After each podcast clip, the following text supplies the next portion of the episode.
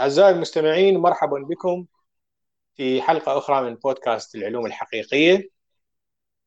نستضيف فيها اليوم آه، ضيف غير مألوف في تخصصه ولكنه معروف لمن آه، دأبوا على القراءة في موقع العلوم الحقيقية آه، وهو أحد الكتاب السابقين في موقع العلوم الحقيقية المحامي المختص بالقانون الجنائي حيان الخياط. أهلا وسهلا بك يا حيان. أهلا وسهلا عزيزي عمر وتحية طيبة لكل من يستمع لنا حاليا. حيان أنت توقفت عن كتابة المقالات ويعني مع الأسف آه، أخذك القانون من المجالات آه، آه، العلمية ومجالات البحث في العلم الزائف والتفنيد. صحيح بس صار فترة تقريبا يعني الموضوع هو تعرف الشخص يظل باهتماماته ويظل ضمن الشغلات اللي ممكن تكون من ضمن شغفه فيظل متابع للقضايا اللي تتعلق بالعلم الزائف تتعلق بآخر تطورات العلم. لكن وقت آه، أخصصه للكتابة أو لعمل فيديوهات أو مقاطع صوتية ما عندي وقت لهذا الشيء. يعني هنا المشكلة نعم لهذا السبب سنحاول هذه المرة أن نغتنم. الفرصة وان نستفيد من مجالك في قضية أرد لطالما اردنا طرحها في الموقع وهي آه، القانون ومكافحة العلم الزائف والخرافة. والسؤال الذي يراود الكثيرين آه، ما هي؟ وهو ربما سؤال كبير جدا ولك أن تتناول آه، ما تشاء منه في البداية ثم سنتفرع منه إلى فروع أخرى وأسئلة أخرى فرعية. كيف نستطيع بالسبل القانونية مواجهة الخرافة والعلم الزائف؟ وكيف هو الحال في العراق والدول العربية؟ نعم. آه، قضية السحر والشعوذة والعلاجات آه، غير الطبية أو غير المعتمدة طبيا أو علميا يعني فقضية جدا واسعة وجدا كبيرة. من الممكن تكون بها جزئيات آه، تناولها القانون من الممكن أنها أكو جزئيات أخرى ما أشار إليها وتركها من أجل عدم حصرها في إطار معين. أو أساسا كانت التشريعات سابقة لظهور هذه الأمور. أكو كثير من العلاجات الحديثة اللي هي تسمى بعلاج لكنها هي علم كاذب أو أمور غير طبية ظهرت بفترة يعني تتلو ظهور القانون أو القانون حاليا اللي مطبق اللي موجود آه، بالدول العربية أو بالعراق تحديدا. يعني قانون العقوبات العراقي صدر سنة 1969 آه، فاكو يعني كثير من التطورات حصلت بعد ذلك وظهرت وسائل وسائل كاذبة للعلاج أو وسائل طبية غير آه، معمول بها داخل الجامعات أو مراكز البحوث. فما كان أكو تطور قانوني لملاحقتها أو لمتابعتها بالشكل الجيد. قضية كيف ممكن يتعامل القانون مع هذه الأمور يعني آه، حسب حالة كل قضية. يعني ممكن إنه شخص معين يعالج أشخاص أو يحاول معالجتهم فيؤدي إلى الاضرار بهم أو أشخاص آخرين. يقدمون نفسهم على أساس كونهم هم روحانيين أو معالجين بوسائل وطرق غير اعتيادية ويحاولون الحصول على أموال أو يحاولون يحصلون على بعض الفوائد أو ابتزاز الأشخاص اللي راح يكونون آه، يتلقون العلاج اللي آه، انذكر من العلاج البديل أو ما شابه. فكل حالة تختلف عن الأخرى وما نقدر إحنا نجزم بها بشكل عام. نقول إن القانون وقف آه، موقف قوي جدا وصارم من كافة الوسائل غير العلمية. ما عندنا هيك توجه بالقانون لكن توجد بعض بعض الجزئيات آه، في بعض القوانين آه، بالدول العربية واجهت السحر واجهت الشعوذة واجهت القضايا غير العلمية بنصوص صريحة وعاقبت عليها.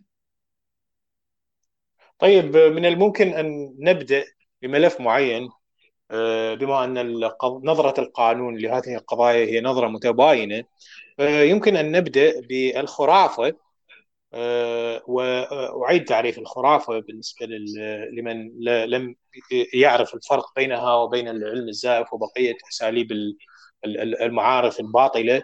آه، الخرافة هي آه، منهج أو طريقة للتعامل مع الكون سواء من خلال معالجة الأشخاص أو الاعتقاد بقوانين الكون. برؤية لا تمت بصلة للقوانين الحالية وتستند إلى مبادئ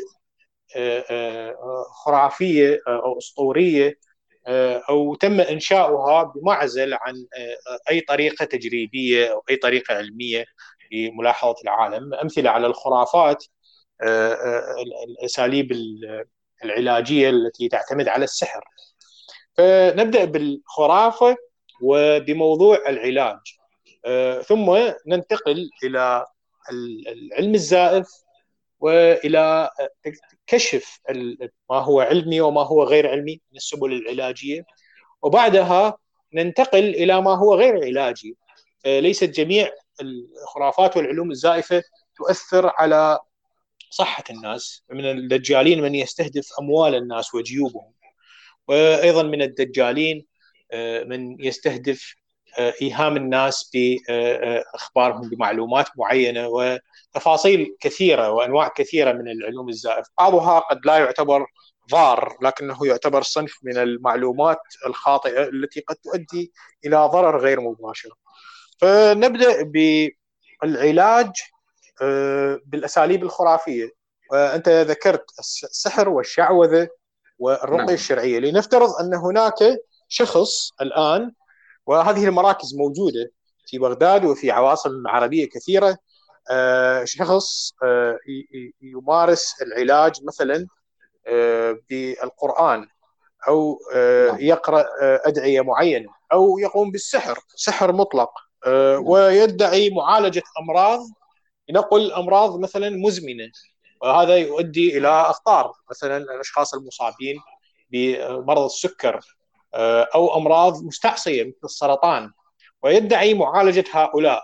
الآن نريد أن نواجه هذا الشخص قانونا. هل هذا ممكن؟ وأين نبدأ؟ وكيف؟ وما هي القوانين التي يمكن أن تستهدف هذا الشخص؟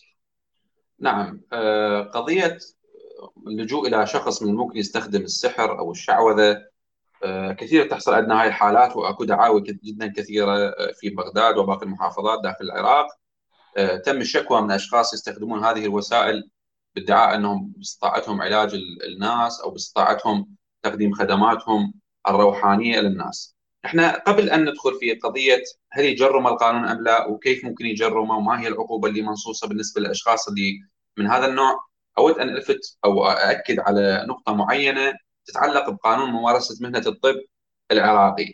يعني هذا القانون آه، بالفقرة واحد من المادة 11 آه، تحدث عن قضية تتعلق بكيف يمارس مهنة الطب أو من من له صلاحية ممارسة هذه المهنة ونص على أن كل شخص يمارس الطب أو أي نوع من فروعه أو يحاول ممارسة ذلك أو ينتحل أي تسمية أو لقب أو علامة كانت تدل على أنه مرخص له ممارسة الطب أو أي نوع آخر من فروعه من غير سابق تسجيل أو ترخيص بموجب هذا القانون يعاقب بالحبس والغرامة. يعني هذا النص اللي يتحدث عن تجريم وعقاب الأشخاص اللي ينتحلون صفة طب أو طبيب أو ما شابه يعاقبون بعقوبة الخمس سنوات فما دون والغرامة اللي هي آه، مليون أو أقل من ذلك.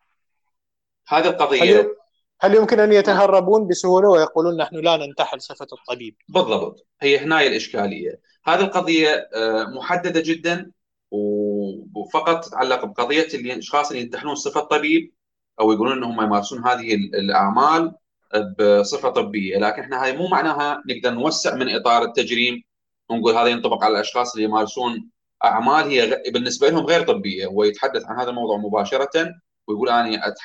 يعني إمكانياتي وقدراتي هي ما لها علاقة بالطب. هي لها جانب روحي، لها جانب ديني، لها جانب آه، بعيد عن الممارسات الطبية واي هو الشخص يعترف بكل تأكيد بأنه هو غير طبيب. يعني مو بالضرورة يكون هو معترف إنه عنده شهادة طب. على مود نقدر نحاسبه على هالأساس. وبنفس الوقت أكو قانون ممارسة مهنة أو مزاولة مهنة الصيدلة. أيضا تحدث عن قضية إنه الأشخاص اللي آه، يزاولون هذه المهنة بدون رخصة وأيضا عقوبة لهؤلاء الأشخاص. فإحنا لا يجب أن نعمل. إذا أردنا أن يكون الموضوع واضح وتكون المحاسبة مباشرة لابد أن يكون تعديل لهذه التشريعات بحيث يكون كل شخص يستخدم أدوات أو أفكار أو ايا كانت الأشياء اللي ممكن هو يستخدمها من أجل أن يدعي بها إنه هو يحاول يعالج الناس المفروض يعاقب بنفس هذه العقوبة. فإحنا عندنا إشكالية أساسا تشريعية آه، التشريع أو القانون ما يقدر يلبي الاحتياجات الموجودة للناس اللي هي قاعدة تظهر بشكل آه، متسارع وما يقدر يعاقب أشخاص وفق وفق هاي النصوص اللي ذكرناها لكن القضاء القضاء العراقي عموما لما يواجه مثل هذه الدعاوي ويشوف إنه أكو شخص اشتكى على شخص آخر لأن أخذ منه أموال مقابل أن يعالجه بوسيلة الرقية الشرعية أو وسيلة السحر أو ايا كانت الوسيلة اللي موجودة يلجأ إلى مادة أخرى وهي المادة 456 من قانون العقوبات العراقي واللي هي تتعلق بالنصب والاحتيال كما تسمى يعني بالتسمية الشائعة واللي تنص على أن يعاقب بالحبس كل من توصل إلى تسلم أو حيازة مال منقول مملوك للغير. لنفسه أو إلى شخص آخر وذلك باحد الوسائل التالية استعمال طرق احتيالية. يعني الموضوع يذهب إلى إطار مادة عامة جدا تتعلق بتصرفات واسعة النطاق من الممكن أن يتم شمول قضية الدجل والشعوذة والسحر ضمن إطارها. فهذه الفقرة اللي حاليا قاعد يتم العمل بها داخل المحاكم وهذا ما يتم اللجوء إليه إنه اعتبار الأشخاص اللي يمارسون هذه الأعمال هم أشخاص نصابين من أجل معاقبتهم. إذا كان أكو أموال تؤخذ بالمقابل. لكن هذا راح يعني يصدر لنا سؤال آخر. من الممكن بعض الأشخاص الدجالين ما يأخذون أموال وما يطلبون أموال أساسا. يقول لك أنا أسويها لوجه الله تعالى. أسويها بدون أن أطلب من عندك أي شيء. بهذه الحالة إحنا ما راح نقدر نعاقبه ولا نقدر نواجهه بأي آه، مساءلة قانونية باعتباره هو ما ما يحاول يحصل على أموال أو أو أي شيء من الطرف اللي يريد العلاج. يعني حتى المادة هذه اللي هي واسعة جدا وتتعلق بالنصب والاحتيال راح تكون ما تنطبق عليه. طيب آه الآن القوانين يعني الصورة تبدو ناصعة وجميلة من ناحية القوانين لكن هل يتم تطبيق هذه القوانين؟ أين الإشكالية؟ لماذا نرى حتى الآن في شوارع بغداد مراكز لممارسة الدجل ولترويج اصناف قائمة على الخرافة كليا وليس حتى على الطب البديل والعلوم الزائفة بل الخرافة نعم. آه، لماذا لا يعني يتم اعتقال هؤلاء؟ ما الذي يحدث؟ هي واضحة جدا مثل ما تفضلت يعني هي تصدر نفسها بشكل واضح وجلي وبدون تورية وبدون أي آه، محاولة إخفاء طبيعة عملهم لا لا جدا واضحة آه، العلاجات اللي تكون بطرق خرافية أو طرق غير علمية وموجودة في كل مكان.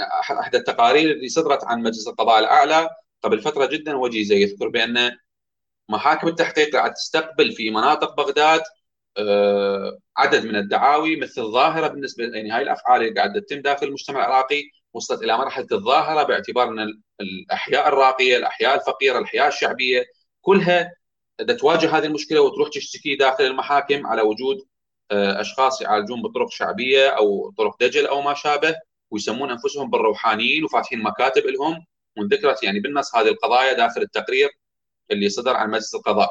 يعني هذه القضية تدل على إحنا حاجتنا إلى أن ننص داخل القانون على آه، تجريم هذا الفعل بشكل واضح وبشكل آه، جدا يكون مختص بقضية الدجل والشعوذة اللي راح يتم اللجوء إلى مثل ما ذكرت لحضرتك راح يتم آه، يعني من يكون أكو شخص يشتكي ويقدم شكوى ضد هؤلاء الأشخاص راح يتم اللجوء إلى آه، المادة 456 ولا بد إنه إثبات إنه أكو نصب واحتيال عمود ينحكم هذا الشخص.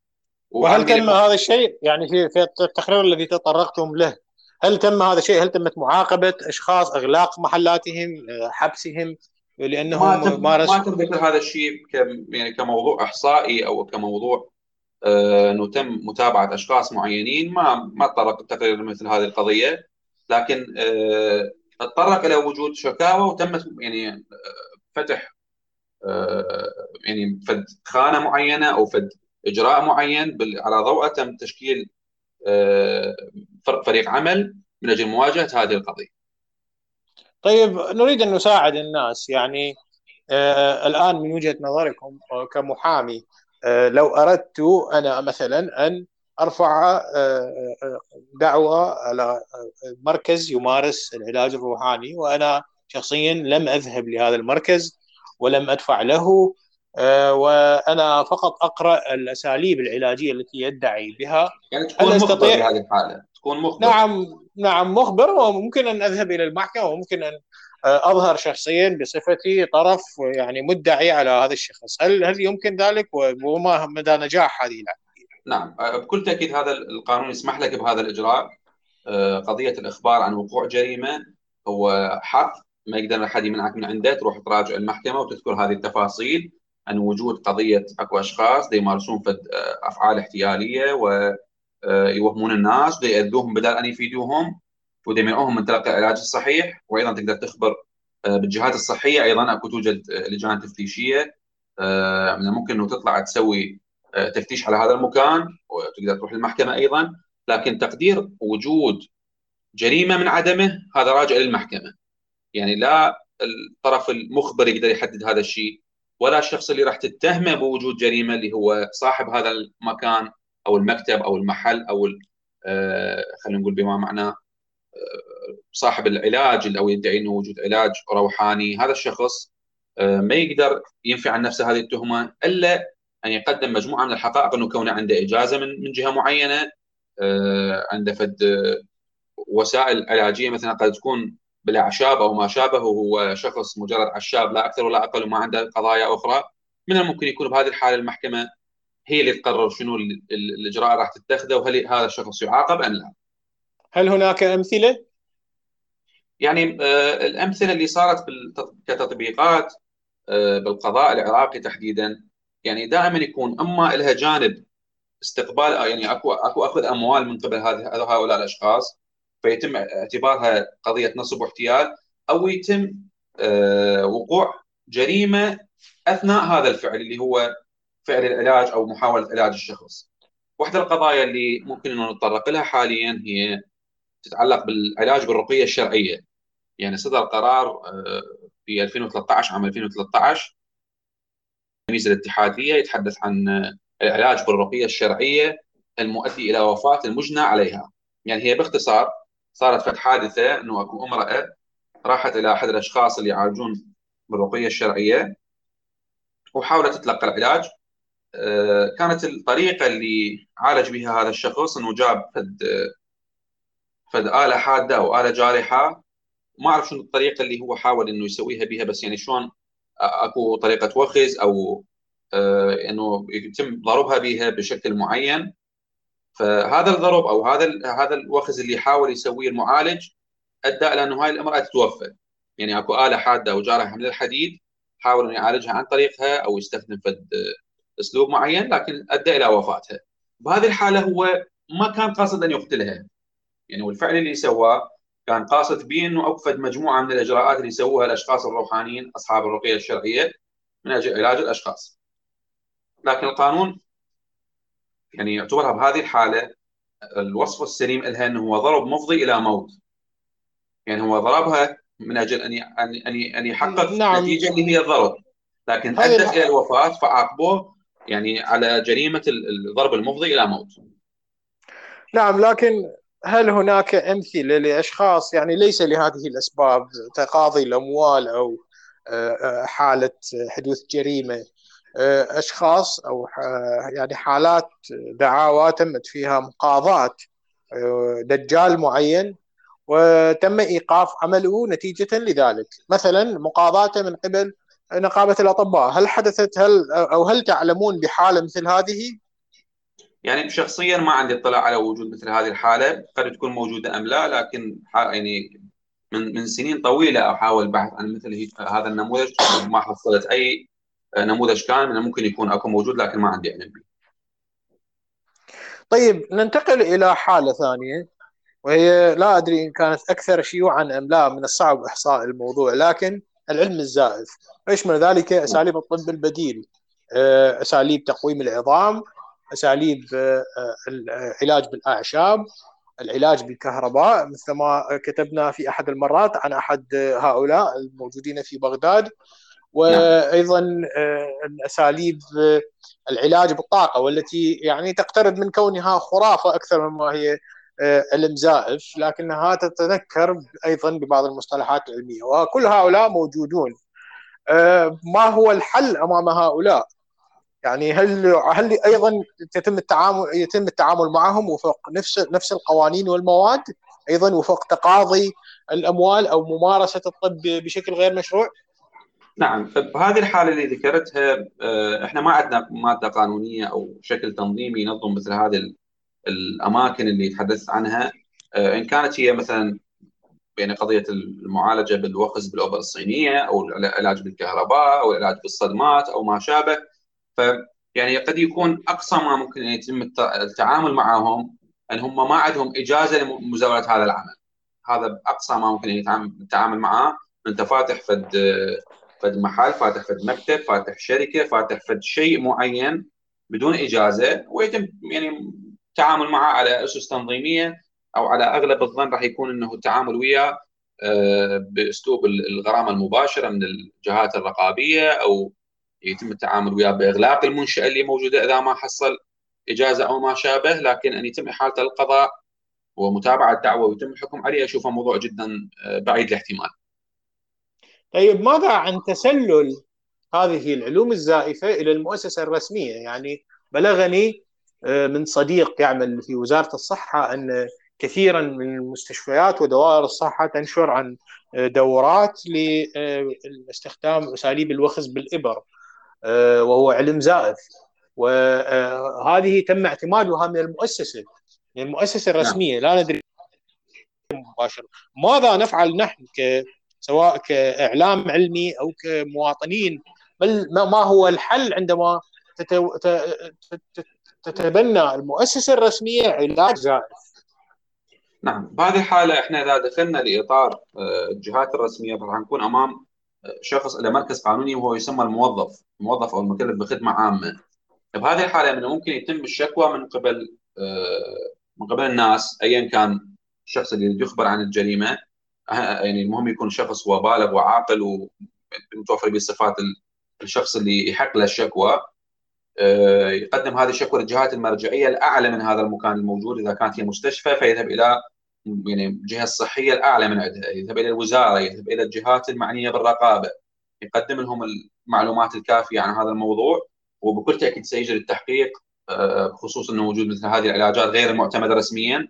إحنا عندنا إطار محدد آه، ما ما ممكن يتم التعامل مع آه، علاجات غير ثابتة علميا غير مثبتة ما صدرت بها تصريح أو موافقات من الجهات الرسمية. يعني ممكن يتم الشكوى من الموضوع.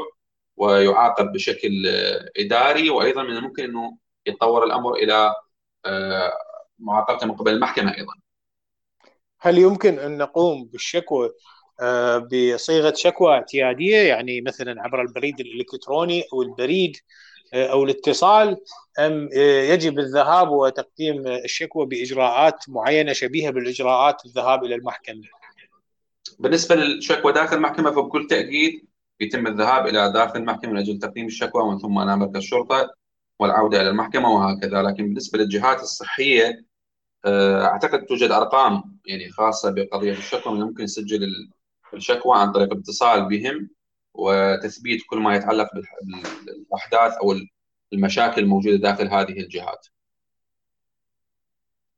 طيب هل يميز القانون العراقي بين العلم الزائف والخرافة؟ يعني هل يميز بين شخص مثلا آه، يقوم بالعلاج بالرقية مقابل شخص يقوم بالعلاج آه، بالأعشاب؟ من الواضح إن يعني آه، الاثنان قد يكون فيهما ضرر لكن ربما ضرر بعض الأساليب أكثر من ضرر أساليب أخرى وأيضا آه، يمكن لبعض الأساليب أن تكون سبل متابعتها أكثر يعني ممكنة بشكل أكبر هل يميز القانون بين العلم الزائف والخرافة؟ يعني بإطار العلاج أو بإطار القضايا الطبية القانون ما يعني ما يدلو بالدلوه بهذه الأمور باعتبارها أمور متغيرة وقد تكون أمور تتعلق بالباحثين أكثر ما تتعلق بالقانون.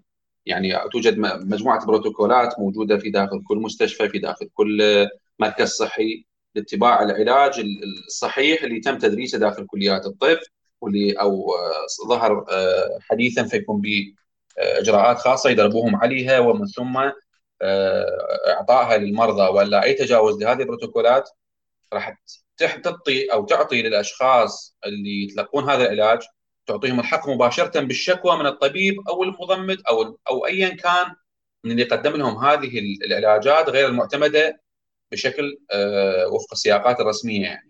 مباشرة يكون له حق بان يطلب الشكوى منهم وإذا تعرض إلى أي مشكلة يعني ممكن تكون الشخص هذا اللي أخذ هذا العلاج تطورت عنده الحاله أو تطور عنده المرض من الممكن يؤدي إلى الوفاة من الممكن ان يؤدي إلى عاهة مستديمة. أي نتيجة تم بناء على هذه العلاجات غير المرخصة وغير الصحيحة وغير الموثقة علميا أو غير المعتمدة داخل المستشفى أو المركز الصحي آه، راح تكون بالنسبة للشخص هذا تكون شكلت جريمه بحتة.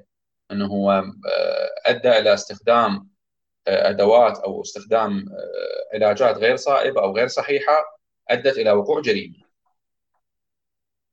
طيب ماذا عن الأدوية التي لا تعمل أو التي تم إبطال عملها في دول أخرى من قبل هيئات رقابية وبحثيه مختصة بهذا الشأن هل لدينا نظير مثلا للأف دي إي هيئة الدواء والغذاء الأمريكية والتي تقوم بالموافقة على الأدوية هل لدينا نظير لهذه المؤسسة في العراق؟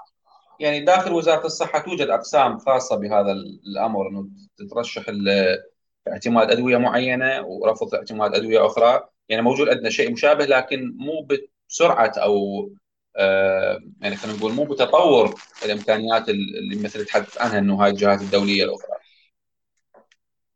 وهل في حال تقاعس هذه الجهات عن آه، مثلا أحد الأدوية ثبت أنه يسبب السرطان وتم إيقاف آه، يعني العمل به بعد مثلا ثلاث أو أربع سنوات من إيقاف العمل به في أماكن أخرى من العالم. وأعتقد أن هذه الحالة واردة جدا في العراق ليس نعم. بالضرورة للسرطان لكن أدوية تسبب حالات أخرى.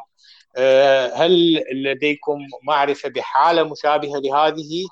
وان إن لم يكن هناك حالة فهل من من المجدي أو من الممكن آه، أو من السابق أنه حدث آه، أنه يقوم شخص بمقاضاة آه، هذه الجهة في وزارة الصحة لأنها لم تبطل العمل بهذا الدواء؟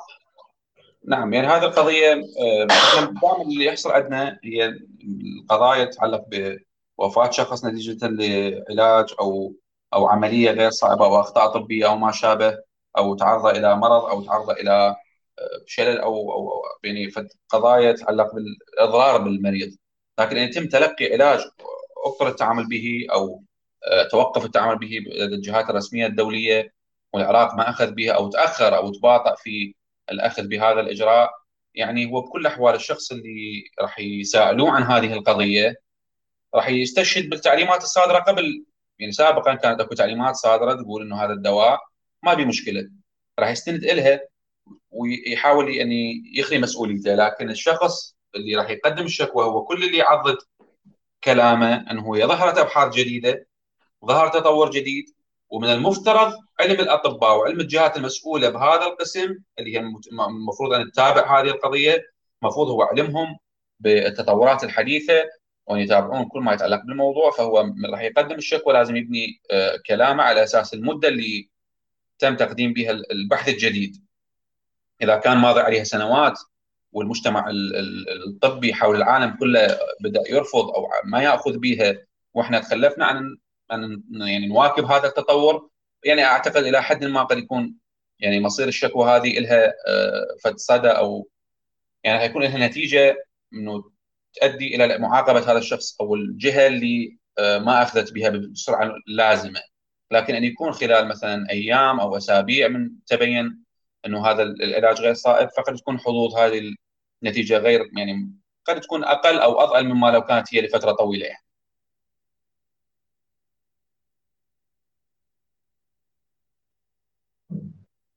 آه، نعم آه، القضية الأخرى التي قلنا أننا سنتطرق لها وأعتقد أنني آه، فهمت الإجابة نوعا ما قبل أن أطرحها وهي المجالات الخرافة والعلم الزائف غير العلاجية آه، مثل نعم. العرافه آه، العرافين آه، والأشخاص الذين يدعون مثلا زيادة أو جلب الرزق أدوات جلب الحظ أفترض أن هذه كلها نعم. تندرج تحت باب النصب والاحتيال وان الشخص يمكن أن يحتاج فقط أن يثبت أنه أعطى المال لهذا الشخص مقابل هذه الخدمة وبالتالي يمكن إدانة هذا الشخص صحيح؟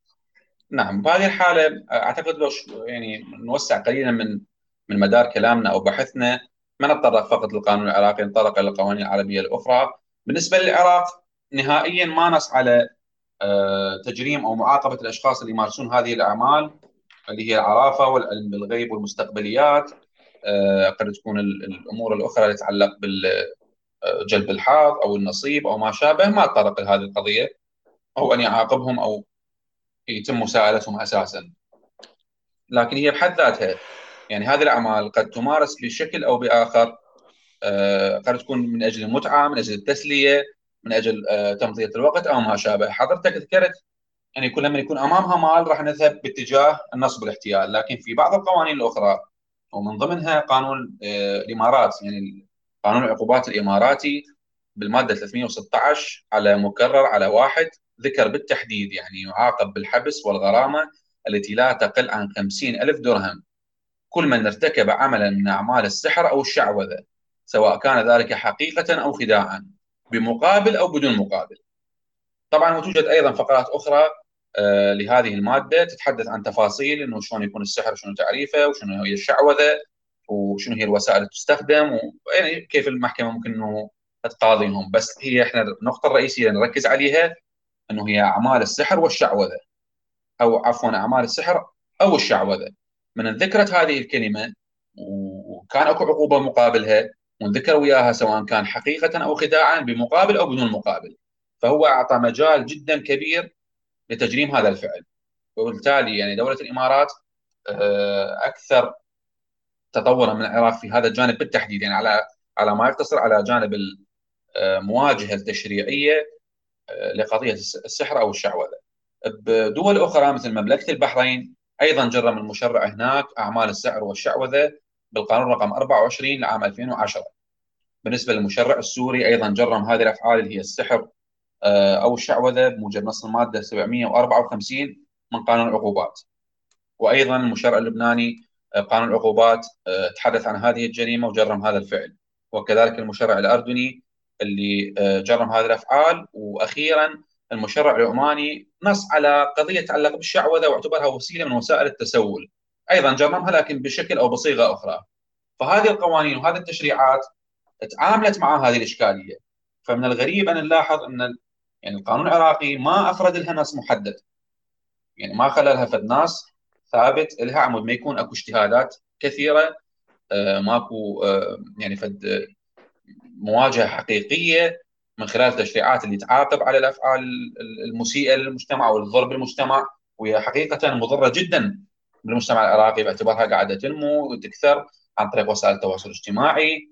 آه، توجد بيجات كثيرة وصفحات آه، تقدم نفسها على أساس أنها تعالج بالطرق البديلة وما شابه توجد قنوات تلفزيونية قناة كاملة وليس مجرد برنامج أو آه، مقاطع فيديو يعني قناة كاملة تروج لهذا الدجل وهذا العلم الزائف.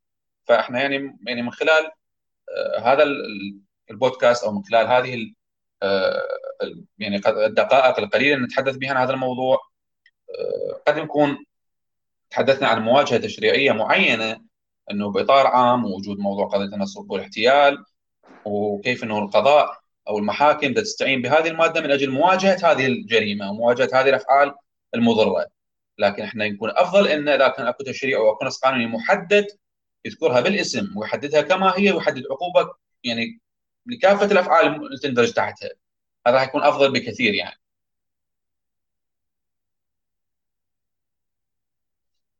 طيب حيان قضية آه، انت ذكرت بالقانون الإماراتي إنه إن كان حقيقة أو خداعا حول مزاولة السحر آه، نعم. يذكرني هذا بالقانون السعودي والذي يعدم السحرة يعني يقتلون السحرة آه، اعترافا آه، منهم بالسحر آه، يعني هذا الحقيقة يعزز السحر من جانب. ربما بقدر ما يوقف السحرة والدجالين. ويمنع السحر ليس من باب أنه نعم صوتك رجع. توقف دقيقة تقريبا أو أكثر ورجع. نعم لا أدري من أين آه، آه، حدث الانقطاع. من من قضية آه، السعودية؟ إذا ترجع نعم. لموضوع السعودية. نعم نعم. يعني فقط باختصار بعض الدول كم من هذه الدول يمنع السحر لأنه نوع من الاحتيال والكذب. وكم منها يمنعه لأنه شيء خطير. يعني قانون الإمارات نصه يوحي بأنه يمنع السحر لأنه يعترف به جزئيا يعترف بوجوده وبتأثيره.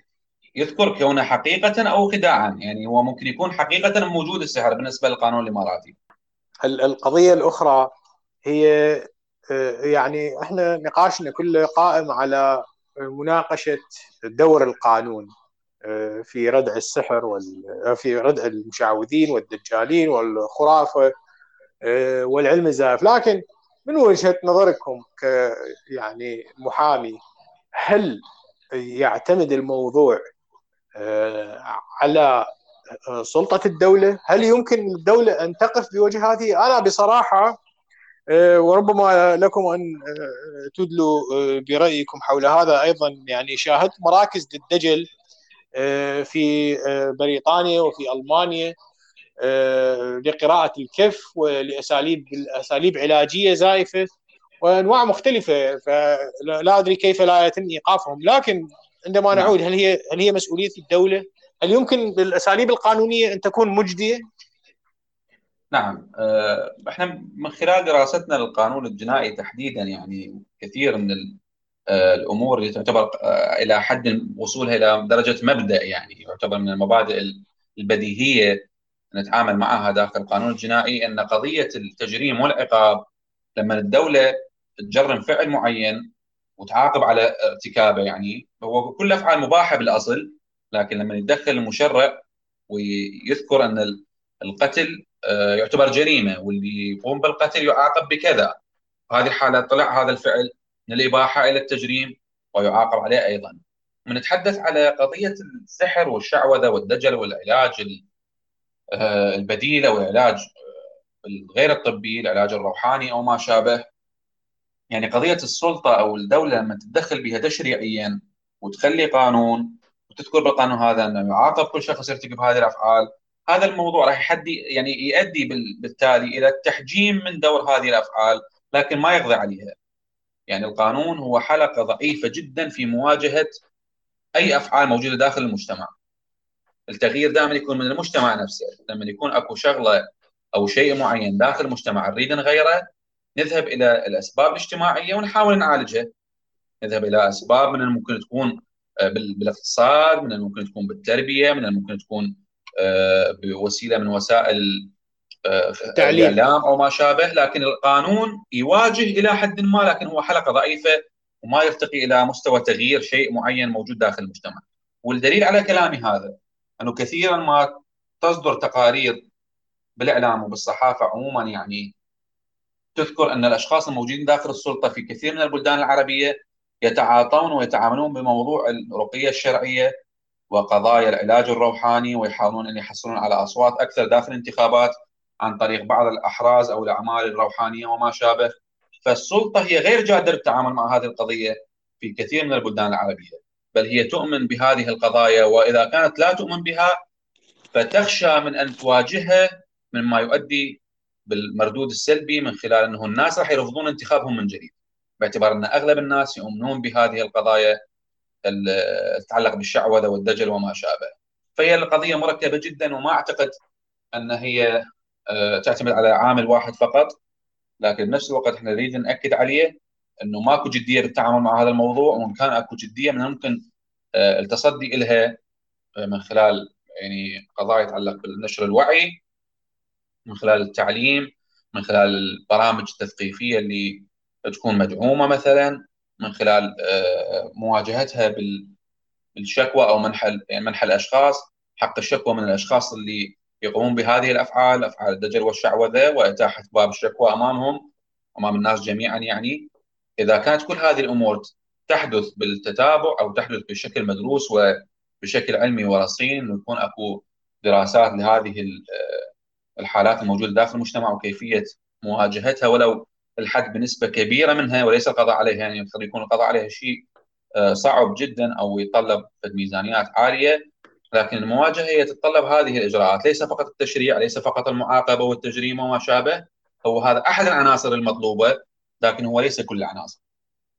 نعم أذكر آه، أن حكومة إقليم كردستان قامت باعتقال أحد الدجالين ثم عاد هذا الشخص ليظهر مرة ثانية. ويمارس نشاطه من جديد تحت عباءة أخرى.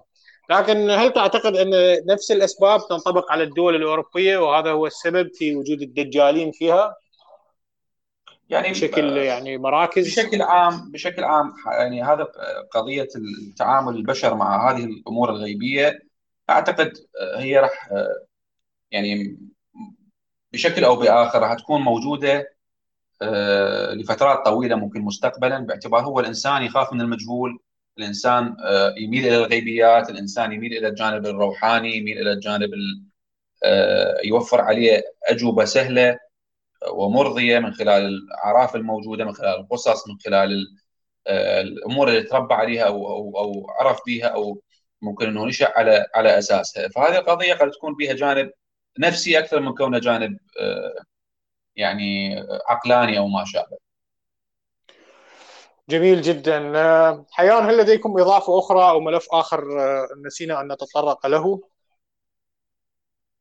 أعتقد من الجانب القانوني إحنا ذكرنا كافة التفاصيل المتعلقة بالموضوع لكن أحب أشير إلى نقطة معينة أن القانون عموما يعني القانون الجنائي عموما وأريد أحدد بالقانون العراقي قد تكون إنه هاي الشغلة غايبة عن كثير من الناس ما يتعامل مع القانون عموما ما يتعامل مع القضايا الغيبية ولا القضايا اللي تكون غير قابلة للفحص والاختبار والقضايا اللي ممكن تندرس بشكل واضح اللي هي الأدلة وما شابه ومن يعني من جملة الأمثلة على هذا الموضوع توجد بالقانون الجنائي جريمة تدعى بالجريمة الوهمية.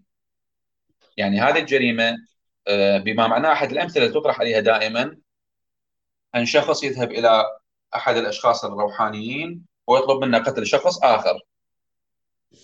هذا الشخص الروحاني راح يجيب دمية أو فد شكل معين يشبه الإنسان عنده يدين وقدمين بالضبط. يعني لاجل التبسيط إنه دمية صغيرة تشبه الإنسان ويحاول يوخزها بالأبر أو يدخل آه، أجزاء يطعنها آه، يحرقها.